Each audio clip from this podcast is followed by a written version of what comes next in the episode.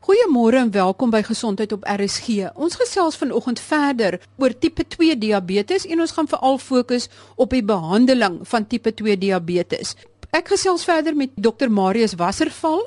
Hy's 'n internis met 'n spesiale belangstelling in tipe 2 diabetes en hy is van Panorama Medikliniek. Voordat ons voortgaan met die gesprek, wil ek net so 'n paar hoogtepunte en belangrike aspekte van verlede week se gesprek uitlig.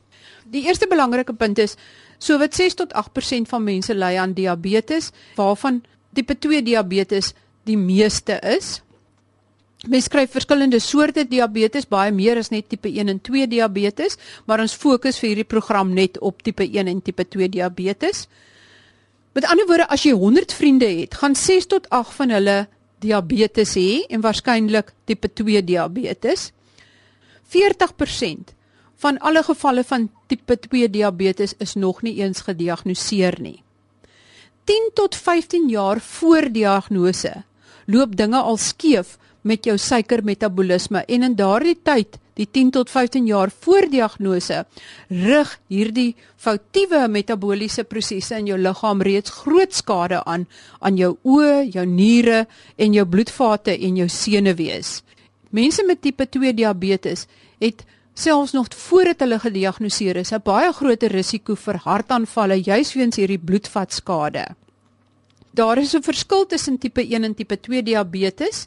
Tipe 1 diabetes beteken die pankreas se beta-selle werk glad nie meer nie.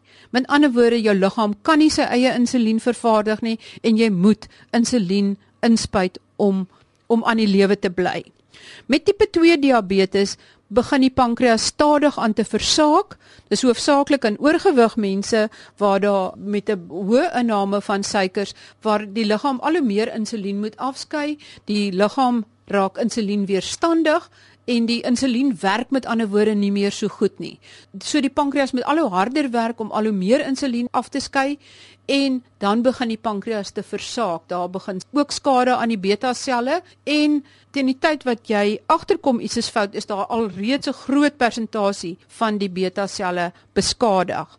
Maar in die meeste gevalle kan die pasiënte aanvanklik medikasie gebruik wat nie noodwendig insulien is nie, maar dit kan ook wees dat die pasiënte in 'n later stadium van hulle lewe wel insulien nodig het afhangende van hoeveel en wanneer al die beta-selle begin ingee. Nog 'n belangrike aspek is dat as iemand tipe 2 diabetes het, het hy net so groot risiko vir 'n hartaanval soos iemand wat reeds voorheen 'n hartaanval gehad het. So dit is nie speelietjies nie. Ek gesels nou verder met dokter Wasserval en ons fokus op die behandeling. In die eerste deel meer op die leefstylaanpassings en in die tweede deel op die medikasie wat geneem kan word. Laat ons dan sommer wegspring met wat is die eerste stappe in die behandeling van tipe 2 diabetes? Die heel belangrikste ding in behandeling is natuurlik leefstyl. Leefstyl begin by dag 1 voordat jou glikose metabolisme begin abnormaal raak, wat dan kan lei tot diagnose van diabetes, kom ons sê 10 jaar later. En die belangrikste intervensie is verseker gewigsverlies. En dis 'n ding wat die afgelope dekade of 2 bewys is om die enkel grootste omkeerbare faktor te wees in die ontwikkeling van diabetes. Ons sien al hoe meer kinders wat gediagnoseer word met tipe 2 diabetes omdat hulle oorgewig is. So dis ontsettend belangrik vir jou diabetes of selfs 'n prediabetes nog voordat jy kom by pille om die leefstyl aanpassings aan te spreek. Nou daarbey bedoel ons verloor gewig en daar het ons definitiewe riglyne. Ons ons werk met liggaamsmassa indekse. Ons werk ook met buikomtrek en dit is 'n baie maklike ding vir almal om self te doen. Jy kan jou buikomtrek gaan meet en vir mans moet jou buikomtrek kleiner wees as 93 cm en vir vrouens kleiner as 88 cm. En as jy dan rondom jou gaan rondkyk, dan gaan jy sien in Suid-Afrika is daar ongeveer 3 uit 4 mense tans wat oorgewig is. En dis 'n studie wat 'n maatskappy gedoen het 2 jaar terug wat bewys het Suid-Afrika is nou die derde vetste land in die wêreld. En ons oorgewigsyfers varieer nou van 66 tot selfs 74%. Dis is dit so belangrik om te begin by gewig en daarmee saam natuurlik 'n dieet want jy moet die energie wat jy inneem minder maak as die energie wat jy gebruik om te verbrand deur die loop van die dag. En natuurlik pasiënte moenie rook nie. Jy moenie baie alkohol gebruik nie. Hulle sê een glasie rooiwyn op 'n dag is voordelig, enigiets meer as dit is nadelig. En as jy gaan begin by die basiese leefstylveranderinge van gewigsverlies, dieet, gereelde oefening, moenie rook nie en matige alkohol gebruik, sal jy reeds 'n pasiënt wat 'n prediabetes kan beïnvloed om hopelik nie diabetes te ontwikkel nie of ten minste sy risiko dramaties te verlaag. En dit is die eerste behandeling van jou diabetes wat gediagnoseer is. Kan mens met leefstylverandering, met ander woorde as jy gewig verloor, kan jy jou prediabetes weer terugsit dat jy nie meer op die pad is om diabetes te kry nie? Weet jy, omdat daar genetiese aspekte betrokke is, is dit nie 100% effektief nie. Maar ek dink ek gaan jou vraag op die beste manier kan beantwoord deur te sê pasiënte wat bariatriese chirurgie gehad het, wat prediabetes was en selfs pasiënte wat diabetes was, het tot en met 73% van hulle se glikose metabolisme feitelik genormaliseer. Nou dit is 'n absolute uiterste vir 'n absolute geselekteerde populasie, maar ek dink dis die beste manier om jou vraag te antwoord. Kan 'n mens met leefstylveranderinge diabetes of prediabetes beïnvloed? Verseker kan jy. En dit is hoekom dit so belangrik is om pasiënte vroeg te identifiseer, maar selfs jou pasiënte wat nie diabetes of prediabetes is op hierdie stadium nie, is dit ontsettend belangrik om daai leefstyl en die lewensgewoontes aan te spreek sodat jy nie in die risikobootjie beland vir leefstyl siektes van bloeddruk, suiker en cholesterol nie, want daai drie siektes hardloop maar dikwels saam. So jy wil juis jou pasiënte opvoed om 'n normale liggaamsgewig, goeie normale aerobiese oefening, 'n normale dieet, moenie rook nie, moenie te veel drink nie. Dis juis daarom wat ons die pasiënte wil beïnvloed in die prediabetes fase, maar ook na diagnose, want dit het 'n geweldige invloed op jou risiko, ja. As jy dan sê van dieet of 'n gesonde eetplan, waar staan julle wat betref banting? Ja, daai vraag het ek verwag.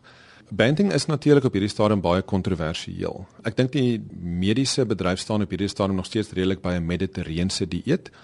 Maar dit gesê, is daar wel data wat deurkom om te sê dat alle cholesterol is nie sleg vir jou nie.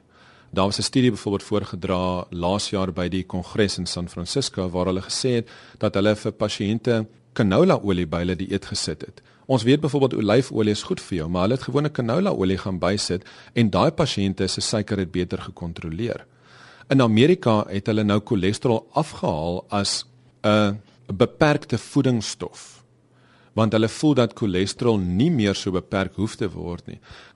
Ek wil net hier doodseker maak dat niemand verwar word met die term wat dokter Wasserval hier gebruik van cholesterol kosse nie. Wat hy bedoel en insluit is dat alle kosse wat moontlik jou cholesterol of lipid of vetvlakke in jou bloed kan verhoog. Met ander woorde, die cholesterol kosse wat ons in hierdie gesprek na verwys, beteken die vette en olies in jou dieet. Dis dokter Wasserval, watter dieet is dan die beste vir tipe 2 diabetes in aggenome dat dieetolies en vette nou nie meer as vyand nommer 1 beskou word nie. As jy kyk na wat ons op hierdie stadium in Suid-Afrika doen, dan voel ons nog steeds die mediterrane dieet is waarskynlik die beste bewys om veilig te wees. Dis ons almal ondersteun die konsep van ons moet minder energie inneem. En die beste manier om dit te doen is ons moet baie minder koolhidrate eet as wat ons op hierdie stadium eet en dit is natuurlik een van die beginsels van banting. So ons stem heeltemal saam met eet minder koolhidrate. Om koolhidrate heeltemal uit jou dieet uit te sny, is daar op hierdie stadium nie voldoende bewys voor nie. Om 'n hoë cholesterol dieet daarmee saam te volg, is ook op hierdie stadium kontroversieel. Maar ek kan nie vir jou sê dit is definitief negatief of definitief sleg vir jou nie, omdat daar data is wat deurkom wat sê dis dalk nie heeltemal so sleg soos wat ons gedink het nie. Maar die hoë cholesterol komponent is op hierdie stadium kontroversieel. Die lae koolhidraat komponent stem ons almal redelik oor saam. Ek dink dis net die hoeveelheid koolhidrate wat ons dalk op hierdie stadium van verskil. Maar op die ou ende het selfs Tim Noakes in 'n program aan my gesê dit is ook op die ou ende die kilojoules wat jy inneem teenoor die kilojoules wat jy verbrand. Absoluut. En ek dink dit is belangrik om nie net te fokus op dieet nie. As jy kyk na diabetes, hipertensie, hoë cholesterol, dan moet jy dit sien in konteks van 'n leefstyl. En in konteks van 'n leefstyl wat lei tot oorgewig, gaan jy meer risiko hê vir hierdie toestande. Dus as jy die energie wat jy inneem minder gaan maak as die hoeveelheid energie wat jy verbrand, sal jy waarskynlik gewig verloor. Maak nie saak wat jy eet nie. En dis hoekom dit so belangrik is om jou gewig te normaliseer deur watse dieet jy ook al volg. So verlaagde kilojoule inname is waarskynlik baie belangriker as die tipe kilojoules wat jy inneem. As jy oorgewig is en jy gaan meer energie verbrand as wat jy inneem, dan sal jy gewig verloor. En om dan 'n normale liggaamsmassa te handhaaf in die lig van goeie eetgewoontes, om nie te rook nie, om gereeld te gaan oefen, is waarskynlik 'n manier om jou risiko vir enige van hierdie leefstyl siektes sover as moontlik te beperk. As mens dan kom by 'n tipe 2 diabetes, sal mens dan eintlik wil hê dat hy so min as moontlik glikose of suiker of koolhidrate inneem nie. Weet jy, alles is waarskynlik maar in 'n balans. Ja, onthou dat koolhidrate word in jou liggaam omgesit in verskillende soorte suikers. Dis sal jy waarskynlik sien dat as jy verskillende mense, selfs nie net diabetes nie, as jy 'n groot koolhidraat maaltyd geëet het, sal jy 2 ure na die tyd sien dat jou suikervlakke bietjie opgegaan het, dan skei jy meer insulien af, dan val jou suiker weer en tipies 2-3 ure nadat jy 'n koolhidraat maaltyd geëet het, is jy weer honger. As jy dit gaan vergelyk met 'n proteïen en groente gebaseerde dieet, dan het jy nie naaste my daardie glikose uh, variasies in jou bloed nie. Dus het jy ook nie die insulien variasies nie. Dus het jy nie die val in jou suiker wat dan weer kan lei tot 'n honger of dan cravings, soos wat die Engelsman van sal praat nie. Jy wil wel 'n baie stabiele, voorspelbare dieet volg as 'n diabetes en dis waar die dissipline inkom. Veral as dit kom by verskillende medikasies en dit is soveel meer belangrik as jy kom op die punt waar jy pasiënte met insulien wil behandel en jy 'n spesifieke hoeveelheid insulien wil gee vir 'n gegeewe maaltyd dan is dit baie belangrik om presies te weet watse energie jy in daai maaltyd inneem sodat jy die regte hoeveelheid insulien kan gee.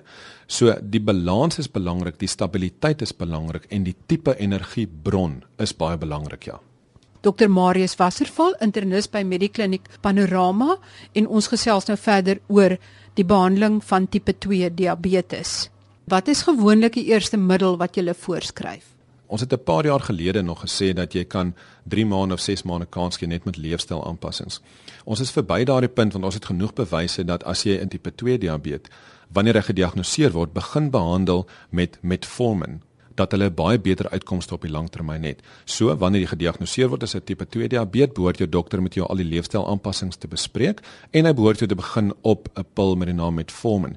Jou tipe 2 diabetes het verhoogde insulienvlakke, hulle is insulienweerstandig en metformin is 'n insuliensensitiseerder.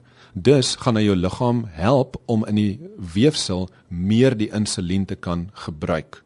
Jy het natuurlik weer eens pasiënte wat dit nie kan tolereer nie en die mees algemene neeweffek wat jy kry van metformin is gastro-intestinaal. Met ander woorde, jy kan naraak, jy kan selfs braak en party pasiënte kry diarree wat net nie wil verbeter nie. Daardie pasiënte moet jy dan verander na een van die ander terapieë toe. Die tweede lyn van terapie is dan die groep sulfonylureums. Die bestanddeel daar is glyclazide en spesifiek die stadig vrystellende vorm van glyclazide is bewys om die beste te wees. Dit word genoem glyclazide MR en baie mense sal dit dalk herken in produkte met die naam Dimicron MR of diglycide MR of 'n ander vorm van glyclazide MR. Jy kry ander vorms van sulfonylureums ook, maar daar is waarskynlik van die mees bekendes. So jou eerste lyn van terapie is metformin. Jou tweede lyn van terapie kan wees of 'n sulfonylureum of dan van die nuwer generasie medikasie wat ons gebruik. Daar praat ons van wat ons noem die DPP4 inhibitore of die GLP-1 agoniste. Die verskil tussen die twee is basies die een is in 'n inspuitbare vorm, die ander een is in 'n pilvorm. Dit spreek die inkretine aan en dis 'n baie opwindende nuwe veld van ontwikkeling in diabetes. Van volgende jaar af sal ons waarskynlik in Suid-Afrika nog 'n ander pil hê wat ook baie opwindend is. Hierdie pil gaan maak dat jy van die ekstra glikose wat jy in jou bloed het, verloor deur jou urine. Want ons weet die niere is gekondisioneer en geleer om alle glikose wat hy filtreer uit die bloed uit weer te herabsorbeer. En daar is nou 'n nuwe pil wat gaan maak dat jy daardie herabsorpsie van glikose kan blok sodat jy meer glikose in jou urine verloor. Maar daardie is basies jou pille opsies. Hierdie nuwer generasie eh, tipe 2 diabetesmiddels beheer dit die glikose vlakke beter deurdat dit net reageer wanneer mense geëet het of verstaan ek dit nou nie reg nie? Weet jy die meganisme waarop dit werk is anders as die medikasie wat ons op hierdie stadium het, maar die val in suiker en dan die val in die 3 maande kontrole vlakke is nie beter met die nuwer medikasie as wat ons al gesien het met die ouer medikasie nie. Dit gesê, sekere van die medikasie gaan stimuleer jou pankreas om meer insulien te maak onafhanklik van wat jy geëet het. Dis die ouer medikasies of die sulfonylureums. Die nuwer medikasies, die inkretine, sal jou pankreas gaan stimuleer om insulien te maak slegs in respons tot dit wat jy geëet het. Gevolglik kan jy van die nuwer medikasies gebruik selfs wanneer jy nie geëet het nie en die kans dat jy jou suikervlakke te laag gaan laat val is aansienlik kleiner as wat jy 'n sulfonylureum byvoorbeeld sal gaan drink op 'n leë maag of wanneer jy niks geëet het nie. Gevolglik is daar 'n definitiewe verlaagde risiko in 'n dip in jou suiker en dan is daar gewigsaspekte ook wat aangespreek word deur van die nuwer medikasie. Van die nuwer medikasie wat jy dan inspuit, is bewys om vir jou bietjie gewigsverlies te gee. Van die ouer sulfonylureums is bewys om vir jou gewigstoename te gee. Dis natuurlik die laaste ding wat jy wil doen vir jou diabetes. Dan kan ons oorgaan na die inspuitbare medikasie. Kan jy vir ons bietjie meer daarvan vertel? Ek dink almal is redelik bewus van insulien en verskillende vorms van insulien.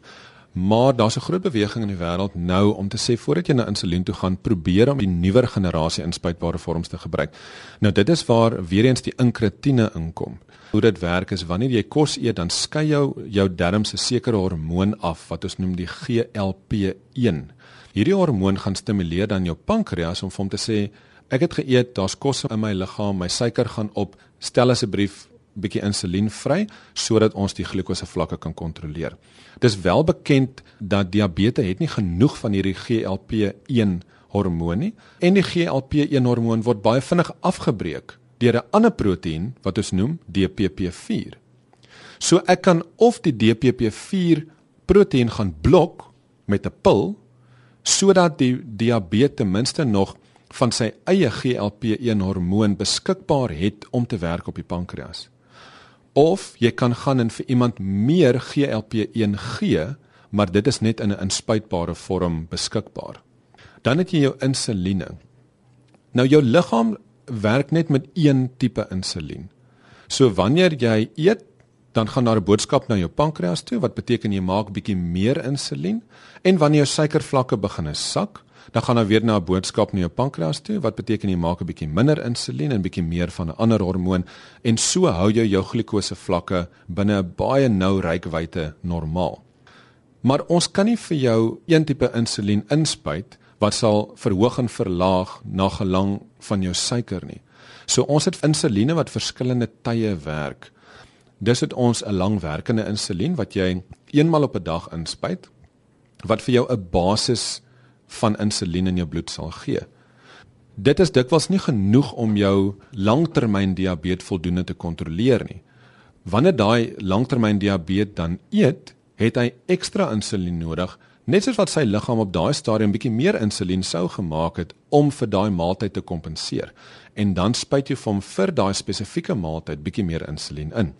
Dan kan jy ook 'n mengsel insulien kry wat 'n kombinasie is van 'n kortwerkend en 'n mediumwerkend. Dit spuit jy in die oggend en in die aand. So jou insuline word opgedeel in langwerkende insuline wat jy kan kombineer met jou pille om seker te maak dat jy jou dag reg begin. So jy begin met 'n suikertelling van tussen 4 en 6 of tussen 4 en 7 en hopelik kan jou pankreas nog genoeg doen om die maaltye deur die dag te dek met 'n bietjie meer insulien. As die pasiënt se diabetes egter al so ver gevorder het dat hy nie meer daai verhoging in glikose na maaltye kan hanteer nie, moet jy dit aanspreek met 'n ander inspuiting. En dan moet jy besluit, gaan jy jou een inspuiting vir 24 uur daar hou en met elke ete 'n ander klein inspuiting bysit om hom net te dek vir daardie spesifieke ete of gaan jy oorgaan na 'n mengsel insulien toe wat jy in die oggend en in die aand kan spuit. Dus het jy net twee inspuitings terwyl as jy die langwerkende insulien kombineer met drie kortwerkende insuline deur die dag het jy vier inspuitings. Dokter Wasserval, as jy 'n finale boodskap moet gee aan luisteraars daar buite, wat sal dit wees? Weet jy, ek dink die belangrikste ding is vir almal om te weet van diabetes, weet van hoë bloeddruk, weet van hoë cholesterol. Ek dink die tyd waar jy na jou dokter toe gaan en verwag dat jou dokter na jou gesondheid moet kyk is verby. Jy gaan na jou dokter toe een keer, twee keer, drie keer of kom ons sê sommer vier keer 'n jaar. En jy spandeer, kom ons sê jy maak dit baie lank, jy spandeer 4 ure 'n jaar by jou dokter is 'n uur op 'n slag. Dit gaan in baie min praktyke gebeur. Dit beteken jou dokter kan vir 4 ure in 'n jaar na jou kyk. Wie kyk die res van die tyd na jou? Jouself. So dis baie belangrik dat ons as dokters pasiënte leer om na hulle self te kyk en is baie belangrik dat mense self begin kyk en begin lees oor gesondheid. Ons almal is bewus van die risiko's van oorgewig en dis waarskynlik die enkel grootste epidemie in hierdie wêreld tans wat lei tot soveel gesondheidsprobleme. So die belangrikste ding is om te sorg dat jy nie oorgewig is nie of as jy oorgewig is, moet jy jou leefstyl aanpas om jou gewig weer binne normale reikwytes te kry, om jou buik omtrek weer binne normale reikwytes te kry want jy gaan jou risiko vir leefstyl siektes dramaties verlaag deur dit te doen daarmee saam is dit belangrik om 'n hoë indeks van suspisie te hê want daar's baie mense wat buitekant rondloop met familielede wat moontlik diabetes is of hy self is iemand ouer as 40 jaar, hy's hy of sy is oorgewig met hoë bloeddruk en cholesterol, dan moet jy onthou dat diabetes hardloop baie keer saam met daai. So jou leefstyl siektes is bloeddruk, suiker en cholesterol. So ek dink dit is belangrik om te dink aan diabetes sodat ons dit kan diagnoseer of beter nog sodat ons die hoë risiko pasiënte wat op pad is om diabetes te ontwikkel kan identifiseer en vroeër kan probeer ingryp met leefstylveranderinge juis sodat ons die diagnose en al die komplikasies wat met diabetes gepaard gaan kan probeer verminder. Dit gesê, is dit belangrik om te weet dat diabetes is nie 'n doodsvonnis nie. Diabetes is iets wat 'n mens kan hanteer en alhoewel jy dit graag wil vermy, is daar 6% van Suid-Afrikaners wat diabetes is. En ons kan dit op hierdie stadium baie goed kontroleer, maar vir daardie pasiënte is dit baie belangrik om eienaarskap van jou eie siekte te vat. Gaan lees oor diabetes, gaan toets jouself. Ek dink dis die ding wat ek in praktyk waarskynlik die meeste mee sukkel is om pasiënte te kry om hulle self gereeld te toets. En of dit bloeddruk is en of dit diabetes is, dit is ewe belangrik. Maar dis belangrik vir diabetes om 'n suikermasjienkie te hê om jouself te toets, ten minste vaste te toets. En as jy uitstekende kontrole het en jou suikers altyd tussen 4 en 6 is, dan kan jy sekerlik 'n saak maak daarvoor dat jy nie jou suiker elke dag hoef te toets nie. Maar as jou suiker nie perfek gekontroleer is nie en jou 3 maande kontrole toets by jou dokter nie perfek is nie, dan is dit nodig dat jy jouself gereeld moet toets. So in die eerste plek is dit belangrik om te fokus op leefstylveranderinge, gewigsverlies, 'n gesonde dieet, gereelde oefening en daarbey bedoel ons 150 minute se aerobiese oefening per week. Dis nou tipies 30 minute elke dag van 'n tipe oefening waar tydens jy jou hartspoed lig en dit daar hou vir 20 tot 25 minute. Dan is dit belangrik vir jou pasiënte wat hoë risiko is vir diabetes om twee maal 'n jaar by jou dokter uit te kom sodat hy jou bloeddruk kan toets en jou suiker kan toets en jy ten minste eenmaal 'n jaar jou cholesterol kan toets. Dan moet jy ophou rook. Vir pasiënte wat wel diabetes is, is dit baie belangrik om 2 tot 3 maal en in sommige gevalle 4 maal of selfs meer as jy gekompliseerde diabetes het, by jou dokter uit te kom sodat Hy kan kyk hoe lyk jou leefstyl aanpassings want dit is waar ons begin en dan om dop te hou vir die moontlike komplikasies wat kan ontwikkel met diabetes sodat mens dit vroeër kan identifiseer sodat ons kan ingryp voordat daar katastrofiese komplikasies intree. Baie dankie dokter Wasserval. Ek dink ek gaan sommer nou dadelik my bloedglikose vlakke laat toets. Stuur gerus julle vrae oor die behandeling van diabetes aan my by gesond@rsg.co.za en Dr Wasserveld sal dit een of ander tyd in 'n opvolgprogram hanteer. Tot volgende week dan. Totsiens.